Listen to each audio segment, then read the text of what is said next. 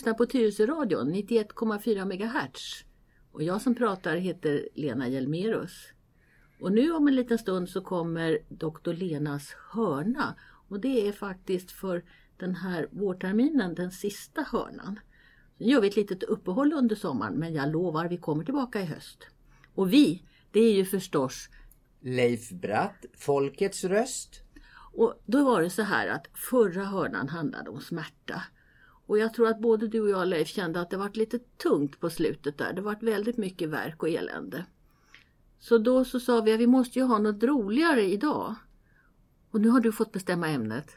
Ja, men först vill jag säga så jag tyckte inte att det blev så tungt för att alltså det är ju bra att kunna veta var smärta kommer ifrån och vad man kan göra någonting åt den istället för att eh, som man gör, eh, lägga locket på. Jag säger som vissa politiker, vi ska vända alla stenar, även smärtstenarna. Ja, och jag fick ju reda på att du inte tycker om surströmming och det var ju en väldig tur. För tänk om jag inte hade vetat det och bjudit dig på det. Ja, ja. Då, då hade jag eh, skylt på någonting för man måste vara artig. Ja, nog om detta. Jo, jag, jag visste att jag fick det här eh, eh av dig att tänka ut någonting. Jag, jag tror lite på det här att man kan lära av historien. Och för att göra en koppling till doktor Lena då så tänkte jag vad kan vi lära av den medicinska historien? Jag gissar att du kan lite om den, så att, eh, att du inte bara har dagsaktuell kunskap. Hur börjar vi med medicin? Hur gammalt är liksom, tanken på att vi kan kurera oss? Den är jättegammal. Vi började ju med eh, i de gamla egyptierna pyramiderna, då är vi tillbaka någonstans 6000 år sedan. Då använde man morfin till exempel. Det var ett välkänt smärtstillande medel om, om vi nu fortsätter på smärt, smärttemat. Ja. Och även tidigare civilisationer hade ju olika typer av vad ska vi kalla det för, medicinmän. Det, det har alltid legat i mänsklighetens intresse att försöka förbättra hälsa. Och de gamla grekerna pratade vi om när vi gjorde sömnprogrammen. De hade ju väldigt utvecklad faktiskt modern medicin. Men du sa medicinmän, men var fick de sin kunskap ifrån då? Hur visste de att eh, de skulle säga hokus pokus eller käka det här träroten eller vad det nu är? Jag vet inte hur de ja, gick tillväga. Det finns ju två delar i det. Dels är det då att man använde aktiva substanser från växtriket och det gör vi ju fortfarande än idag. Väldigt många av våra läkemedel har sitt ursprung i olika växter och man jagar ju faktiskt fortfarande nya mediciner. Senaste 2015 års Nobelpris var ju till exempel en, en gammal kinesisk växt, växtkunskap. Och den andra delen det är ju då ritualerna som förstärker det vi, vi idag kanske skulle säga kalla för placeboeffekt. Alltså att, att om man tror att en sak kommer att hjälpa då är det större förutsättningar för att den verkligen ska hjälpa. Då betyder det också att religion måste, alltså om man tror på några högre makter, inte bara ritualer menar jag då, att man gör, utför dem på rätt sätt. Så nu har jag fått den här ritualen över mig, eller hur det nu blir. Ja, eh, och, och, så tror jag och, och, så kan det gå mig väl. Men också om jag då tror på högre makter så kan det hjälpa till också.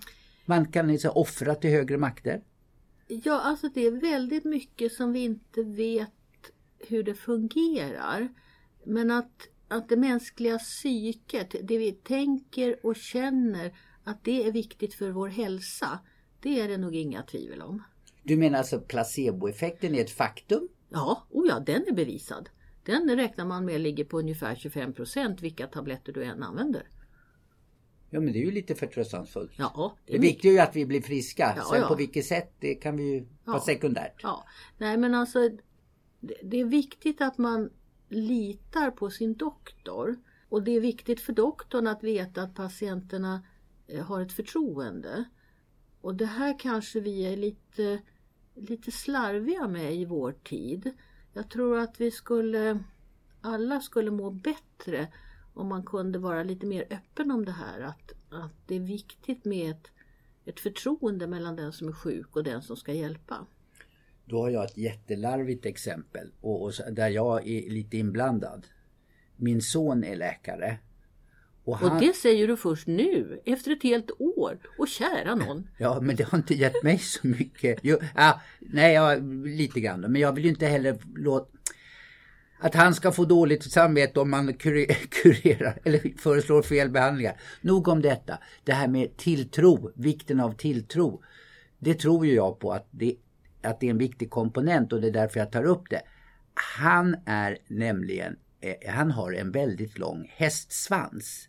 Alltså vi pratar inte om det utan... Nej, vi pratar om en riktig hästsvans. Ja. Mm. Riktig, ordentlig hästsvans. Mm. Och för mig då så ger det ett intryck av Ska, det här är ju naturligtvis lite larvigt men i alla fall jag tycker det kan inte vara en speciellt kunnig person som sitter där med en lång hästsvans. Jag tänkte på att du pratar i Tyresöradion Leif. Jo, ja. Nej, ja, nej men eh, lite så. Men jag har varit för feg för att tala om från en del av din eh, terapi eh, Alltså det, din, din förslag, alltså det bygger på att man litar på det du säger. Om man då ger intrycket av, med mina fördomar då, att man är lite hipp som happ det där. Det är lite hippie över att ha eh, hästsvans. Ja, då, då, minskar chanserna. Det är ungefär som eh, det här tilltro. Nu, nu svävar vi ut ordentligt. Jag föreläser ju ibland i ekonomi. Och eh, då klä, eh, första gången jag ska ha en ny grupp, då klär jag upp mig i väst och fluga. Och det gör jag enbart för att de ska tro att jag är en sån här överliggare som har ägnat mitt liv åt att sitta på eh, en stol i akademin och är väldigt, väldigt påläst. Sen så dämpar jag min eh, utstyrsel över kursens gång, men jag börjar så. För jag tror att det är viktigt det första intrycket. Så jag tror att det gäller både på läkarbesöket, det första intrycket och även i eh, föreläsningssalen. Ja, jag brukar ju hävda att alla människor är olika. Och det, jag tror faktiskt att det finns patienter som kan slappna av när de möter en doktor, en manlig doktor i, i hästsvans. Eh, han kanske har målade naglar och örhängen också. Jag har aldrig träffat honom. Men alltså, vi, vi ska inte... Det finns alltid eh, någon person som man kan eh, hitta någonting hos. Så att det, det, är väl bra, för vi olika tycker jag. Ja, han har kvar jobbet, någon nytta gör han väl i alla fall då. då. Nej men, sur gammal gubbe får man väl vara? Ja, ja, ja det får du vara. Du är, ja, du är en representant, du är en värdig representant Leif. Ja. Eh, ska vi börja nu då med det här med medicinhistoria. Det är ju en himla tur att vi lever just nu då, 2016. För, för det var inte så roligt förr. Eh, ska vi backa bandet 100 år tillbaka till 1916? Ja, det får du göra lite senare för att historia för mig är lite kronologisk ordning. Ja, du vill börja ända nere i urtiden? Ja, nej men jag tänkte så här, om vi nu ska göra en vandring bak i tiden så har vi ju någonting som heter Nobelpriset i medicin. Det du tog upp här, mm. 2015 års kinesiska växt där. Om du satt i Nobelkommittén för medicinpriset, vem tycker du skulle ha fått, om du har hela historien, medicinhistorien på det, vem skulle ha fått det första Nobelpriset i medicin? Tycker du? Alltså jag har ju en favorit och det, är, det har jag sagt förut i något radioprogram och det är en man som heter Semmelweis som var eh, den första som kom på att man skulle tvätta händerna. Han levde i Österrike i mitten på 1800-talet. Och det var, lite, det var synd om Semmelweis för att han hade svårt att övertyga sin omgivning om, om det viktiga i hans fynd. Nämligen att hans patienter blev mycket bättre och friskare och fick inte så mycket infektioner om han var hel och ren och tvättade sina händer. Jag tror jag känner till det där mm. lite grann. Arkitekten av sjukhuset hade lagt eh, operationssalen och på vägen dit så låg eh, förlossningsavdelningen. Ja, det var inte operationssalen, det var obduktionssalen. Obduktionssalen. Det var där man undersökte de döda och de hade inga vita rockar på den här tiden utan de gick i, herrarna var det ju, det var ju bara män. Och de gick i sina blodfläckiga kostymer eller vad de nu var klädda i eh, direkt ifrån smitthärdarna rakt in till, till det, det nya BB där man, man Ja, och det var så man såg då att ja. Och, det funkade inte så bra för de nya mödrarna och bebisarna. Nej, och det var då han kom på den geniala idén att alla måste skifta kläder och tvätta händerna. Och sen så småningom så infördes det en, en eh, lösning, en karbollösning som man också skulle tvätta sina händer i som var riktigt stark. Men, men han hade alltså väldigt svårt att få genomslag för det här så att eh, honom skulle jag nog ändå vilja ge ett Nobelpris om jag fick göra det bakåt i tiden. Ja, men om vi ser, du, han får gärna ett Nobelpris. Jag tror att exempel, han har blivit belönad, om det nu är en belöning. Han har fått antingen ett sjukhus eller någon större gata uppkallad efter sig i Wien. Jaha, du ser, det, du har bott i Wien ja. ja. ja. Jo, men det var därför jag kände till ja. lite. Och jag tror att den här karbollösningen den hittar man hos sophämtarna för de hade bättre hygien än läkarna. Ja, det kan, det kan vara mycket möjligt. Ja. Sen, sen så småningom så kom ju eh, en sjuksköterska som hette Florence Nightingale och hon var väldigt noga med att införa just det här med, med renhet och hygien och karbollösning i, i större delen av västvärlden. Hon hade ett väldigt inflytande så småningom efter Krimkriget. Men då har vi gått framåt ett, ja, ett, ett 1860-70-talet ungefär. De får gärna Nobelpriset för mig. Eh, du har övertygat mig. Men jag, skulle, jag är sugen på att gå ännu längre. Du sa Egypten och, och grekerna höll på. Var det inte någon utmärkt läkare där då? Eller kan vi inte ens prata... Du var inne på medicinmän också. Men när, när uppstod det, det, det vi skulle kunna kalla en läkare på något sätt med dagens mått mätt? Är det Semmelweis eller fältskären under krigen då? Ja, fältskären var ju en kirurg. Och eh, de första fältskärarna var ju inte så medicinskt utbildade utan de var duktiga på att snabbt såga eh, av skadade armar och ben. Eh, det fanns en tradition av Eh, Eh, medicinskt kunnande tidigt medeltid när man faktiskt borrade hål i skallen på folk, på levande människor.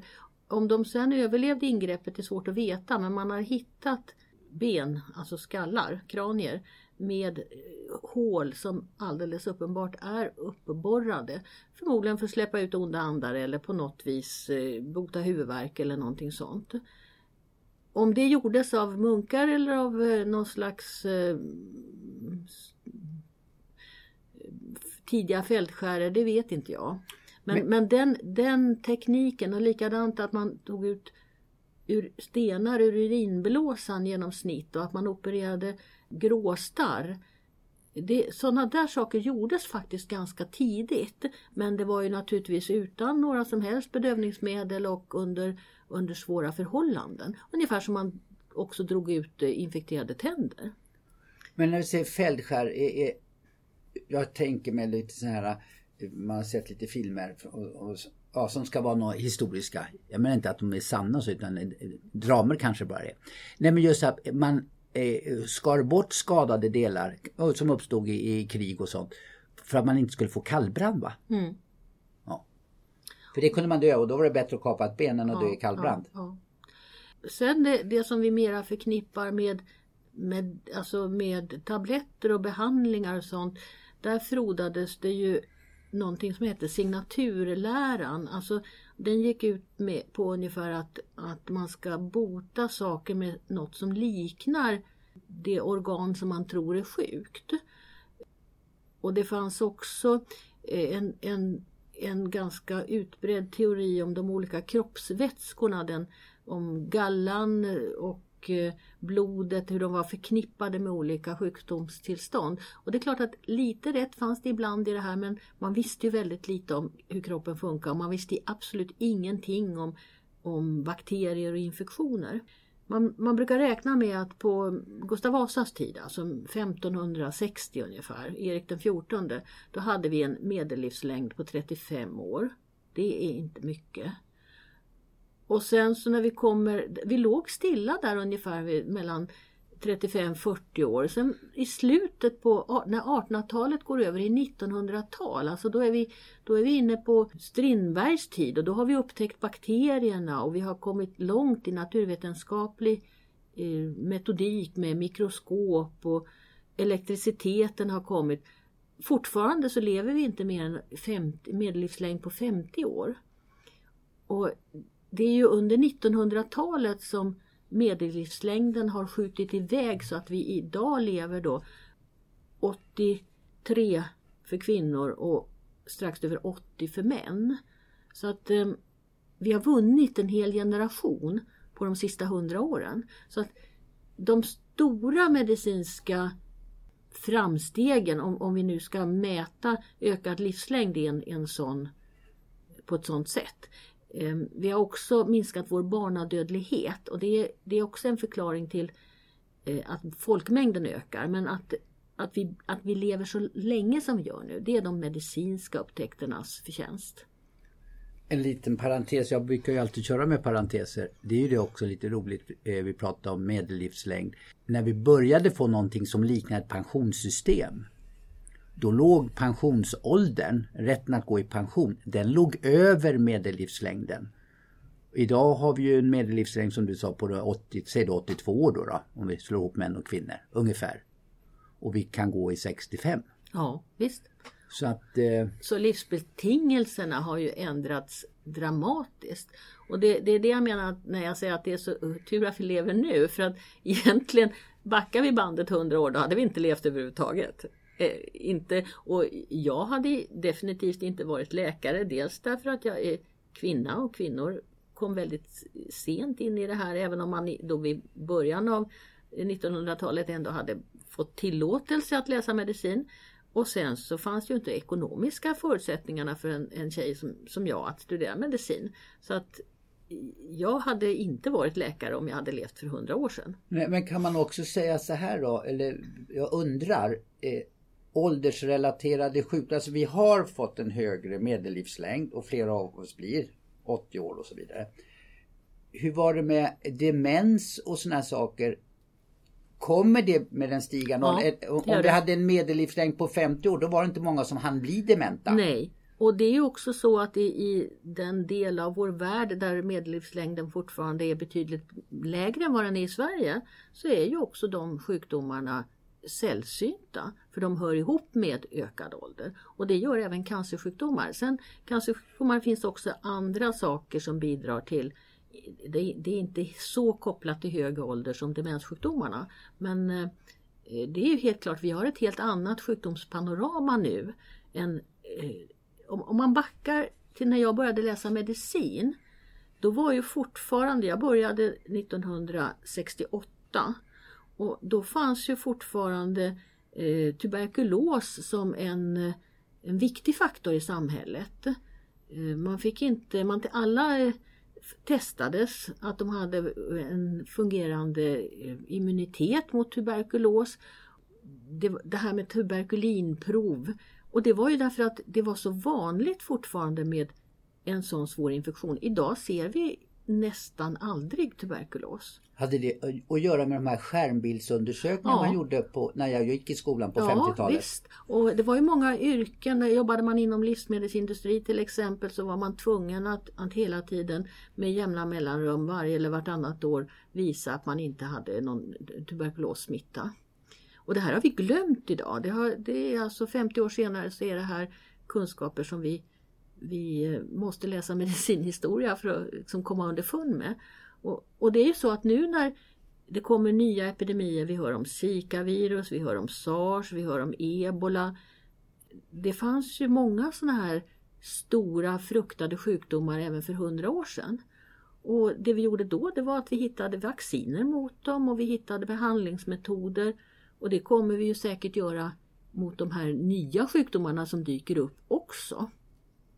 Plus att vi är lite snabbare nu och vi har större ekonomiska möjligheter att, att eh, få fram nya läkemedel ändå. Om jag skulle nu då låta dig få alltså, prata om ämnet och inte avbryta dig hela tiden. Om du ger, det får ju bli en resumé, men vad blir dina milstolpar i den medicinska historien och så ska jag inte avbryta dig. ja, det är ju svårt att hitta milstolparna för det finns så många saker som man kan säga att det här var avgörande. Men vi tar en utgångspunkt för hundra år sedan. Då var vi mitt i första världskriget. Eh, 1916 så stod det stora slaget vid Somme som var ju ett av de mest fruktansvärda slaktandet under hela första världskriget unga människor. Vi tappade en hel generation av engelsmän och fransmän och tyskar i slaget vid Somme. Eh, det var i de här, den här tiden som man började först använda gas i krigsföringen. Kvävesenapsgas. Men den här kvävesenapsgasen den kom sen att, att utvecklas till ett cancerbehandlingsmedel. I tablettform visserligen men det är samma grundsubstans. Så att det kom ut något gott av den här kvävesenapsgasen i alla fall. Kan vi säga.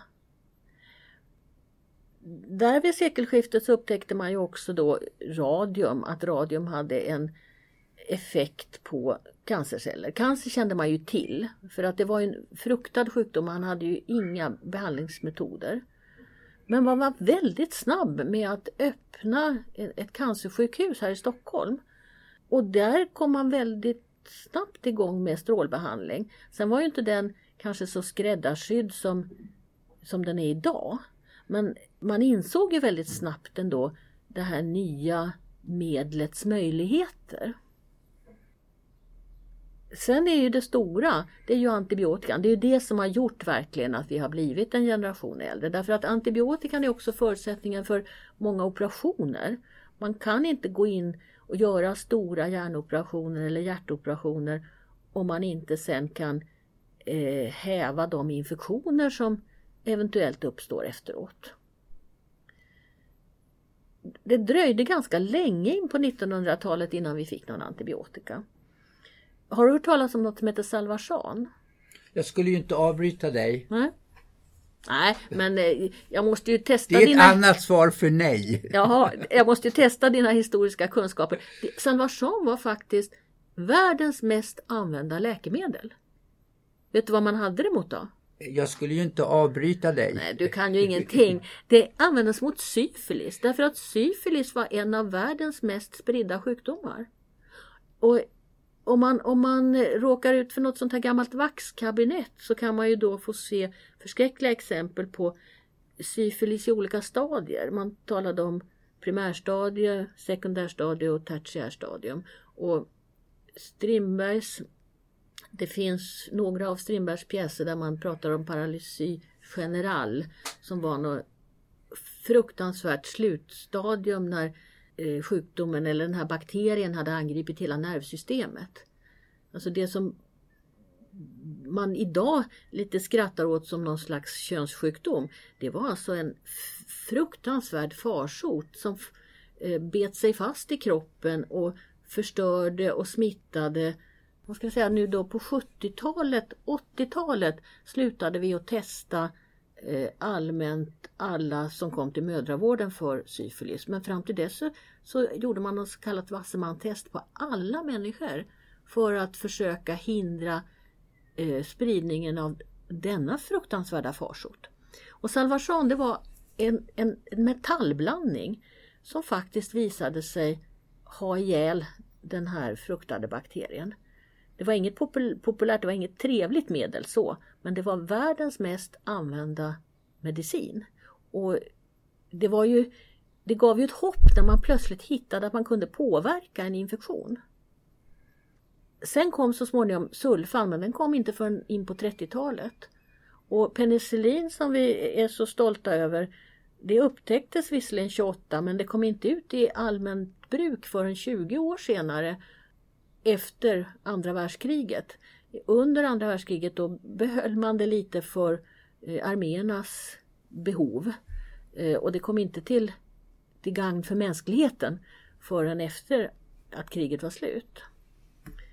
Och det säger ju lite grann om hur, hur, vi, hur vi såg på det här med antibiotika. Antibiotika var någon slags diamanter i... Det var ingenting som vi gödslade med precis. Men det har vi ju gjort under andra hälften av 1900-talet. Vi har gödslat med antibiotika så mycket så att nu har vi en situation där vi har bakterier som är motståndskraftiga och vi börjar få färre och färre mm, antibiotika som verkligen biter. Och det hör man ju nästan dagligen på radio idag att det här är det, den nya stora utmaningen inom medicinen att vi måste hitta andra sätt att behandla infektioner eller nya medel. Men antibiotika är väl en sån där milstolpe i, i något slags kortsiktigt perspektiv. Om hundra år om någon sitter här då kanske de säger att ja, då i slutet på 1900-talet då trodde de att det skulle klara människors hälsa men det visade sig att det inte gjorde. Ja, då är ju frågan alltså, vad gjorde man med infektionerna när man inte hade antibiotika? Ja, man tvättade händerna. Och man, var, man hade försökt att hålla en, en, när det handlade om sår och sjukdomar så var man väldigt noga med hygien. Och så, så klarade man ändå en hel del. Det fanns inte, nu kommer jag in i alla fall. Det, när, när, man då började med att tvätta händerna med den här... Äh, Karbol. Ja. Mm. Blev det inte resistenta bakterier då också? Det blev det säkert. Ehm, men vi levde ju inte så länge så att säga. Och ehm, samhället var ju också väldigt uppdelat i olika klass, klassamhälle. Och behandlingsmetoderna såg ju väldigt olika ut i olika samhällsklasser. Ehm, men även eh, tuberkulosen den gick ju över alla samhällsklasser även om det var mycket kopplat till trångboddhet och, och eh, undernäring. Tuberkulosbakterien finns ju fortfarande och den finns i stora delar av världen. Tillsammans med malaria och HIV så är ju det de stora världssjukdomarna. Och idag så har vi en hel del resistent både malaria och, och tuberkulos. Men i Sverige så lyckades vi få bukt med tuberkulosen och vi kunde stänga alla våra sanatorier. Det som är problematiskt med tuberkulos det är att det är en sån där infektion som eh, många fick när de var små barn och överlevde utan problem. Men sen låg den vilande i kroppen för att flamma upp under ett senare skede. Men idag, de som är 100 år idag, alltså födda 1916, de som har blivit 100 år, de har, de har i, förmodligen aldrig haft tuberkulos. Och vi, vi, vi, det har dött ut så att säga i och med att bärarna, de som hade tuberkulos har dött ut så, så finns inte det i vårt samhälle. Ehm, men det finns ute i världen och det ska man vara medveten om när man är ute och reser. Att, att man kan dra med sig mycket hem när man kommer hem från en lång utlandsvistelse. Inte minst i Asien. Men, men eh, apropå dagens situation då, då du ser när, när, vi har varit i främmande länder, men vi får ju också hit eh, nya människogrupper, får man säga så? Ja. ja. Som kanske bär på andra... Eh, hu, ur medicinsk synpunkt, hur är det här? Ja, det är ju inte de sjuka som orkar företa resan. De sjuka stannar ju i sina länder och dör där. Det är ju de, det är ju de friska, unga friska som vågar ge sig ut på en sån här farofylld resa som att, att fly till ett annat land. Du ser vad korkade idéer man kan få i huvudet. Ja, visst. Ja. Ja, Det är tur om man kan ha en sakkunskap att vända sig till ja. när man grubblar lite tokigt. Om vi fortsätter med milstolparna då så är ju vaccinationerna sen det som tror jag har betytt så mycket. Och där finns det ju också ibland en diskussion att varför ska vi hålla på att vaccinera våra barn? Och det är klart, har man då inte varit med om och inte hört talas om att de här eh, sjukdomarna ger så svåra skador. Alltså alla eh, röda hundsmittade gravida kvinnor som födde döva barn. Totalt döva barn. Det var en direkt effekt av röda hundviruset. Nu vaccinerar vi alla mot röda hund och då får vi inte de här döda barnen, som, som äh, dö, döva barnen, ja. ursäkta nu sluddrar jag här, döva barnen som, som föds. Eh, och det var ju likadant med mässling, det gav ju också väldigt svåra hjärnskador, ungefär i klass med Zika-viruset. Mm. Så att eh, vaccinationer, eh, det är ju inget som man har hittat på av någon slump. Utan vi, vi vaccinerar därför att vi får en, en bättre hälsa i befolkningen. Polio har vi ju till exempel nästan utplånat med hjälp av vaccinationerna. Mm. Det stora problemet, du nämnde själv då utmaningen, det är de multiresistenta bakterierna. Det som du ser som Ja, det är det som kommer att dominera debatten och, och, problematiken. För de tekniska landvinningarna, alltså vi har ju uppfunnit en massa teknisk eh, eh vi har uppfunnit pacemaker, vi har uppfunnit respiratorer, vi har uppfunnit reservdelar som man opererar in, konstgjorda höfter och knän. Eh, Da datortomografi. Ja, undersökningsmetoder, hur man eh, olika typer av röntgen, eh, visualiseringsteknik. Det är, inte där, det är inte där problemet ligger. Utan problemet ligger i bakterierna och infektionerna och att vi har resistenta bakterier. Vet du vad den viktigaste åtgärden då, viktigaste milstolpen på hela 1900-talet? Eh, Nej, alltså för mig är det när du sitter här och berättar. De här milstolparna de raseras över tid för att det blir konsekvenser efteråt. Vi tror att vi ja, hittar. Vi är kortsiktiga. Ja. ja. Fast det finns en grej och det är faktiskt säkerhetsbältet i bilarna. Det är en medicinsk upptäckt från början. Jag var med eh, då när den här första eh, forskningsstudien publicerades om att man man överlevde en bilolycka om man satt fastspänd i bilen. Det var ju liksom en helt ny tanke. Bilolyckor, där, där dog folk för de fick ratten rakt i bröstet och så sprack stora kroppspulsådern. Och sen så plötsligt så eh, var den, började man att, att testa om man inte skulle kunna spänna fast människor i sätet. Och det visade sig dramatisk effekt. Och det var rättsmedicinarna som började med det här. Och idag så över hela världen har vi säkerhetsbälten i varenda bil. Det har räddat mer liv än, än något annat. Du, du pratade om då multiresistenta bakterier. Det här blir väl ett litet hopp. Men jag skulle då, vi är ju tydligen rätt kreativa. Men kan du, om du nu tänker nytt, då skulle jag vilja tänka nytt så här. Tror du att vi kommer att hitta en behandling, terapi mot elakhet och missundsamhet. För det tycker jag är en sjukdom. Ja, det finns ju, det finns ju såna här glädjehormoner i hjärnan. Eh, det som heter må bra-hormonet oxytocin. Och det kan ju hända att vi hittar någon form där vi kan öka eh, vår, vår, vår oxytocinnivå. Eh, sen är det väl också så att man kan inte bara vara lycklig. Eh, Nej jag menar inte lycklig, det är du som pratar. Jag pratar om man ska inte vara elak, man ska ja. inte vara missundsam. Nej, det, det tror jag ligger i den mänskliga naturen. Det är för mycket konkurrens mellan individer. Ja. Uh, ja. Det är nog, nu säger jag som jag brukar säga ibland, det där är inte någon medicinsk fråga. ja, okay. Okay. Ja. ja du, det här var väldigt kort eh, om den medicinhistorien. Vi får göra fler program om medicinhistoria. Ja, absolut. Ja, ja. Och, jag ber om ursäkt om jag har avbrutit allt för många gånger men det dyker ju upp tankar i huvudet. Ja, då får vi önska alla lyssnarna nu då en trevlig sommar. Och så återkommer vi i höst någon gång i slutet på augusti sådär. Ja. Och under tiden så kan man ju gå in i Tyresöradions arkiv och lyssna på våra gamla medicinska magasin. Det finns 16 stycken att lyssna på så det räcker hela sommaren. Tack för idag! Tack för idag säger Leif!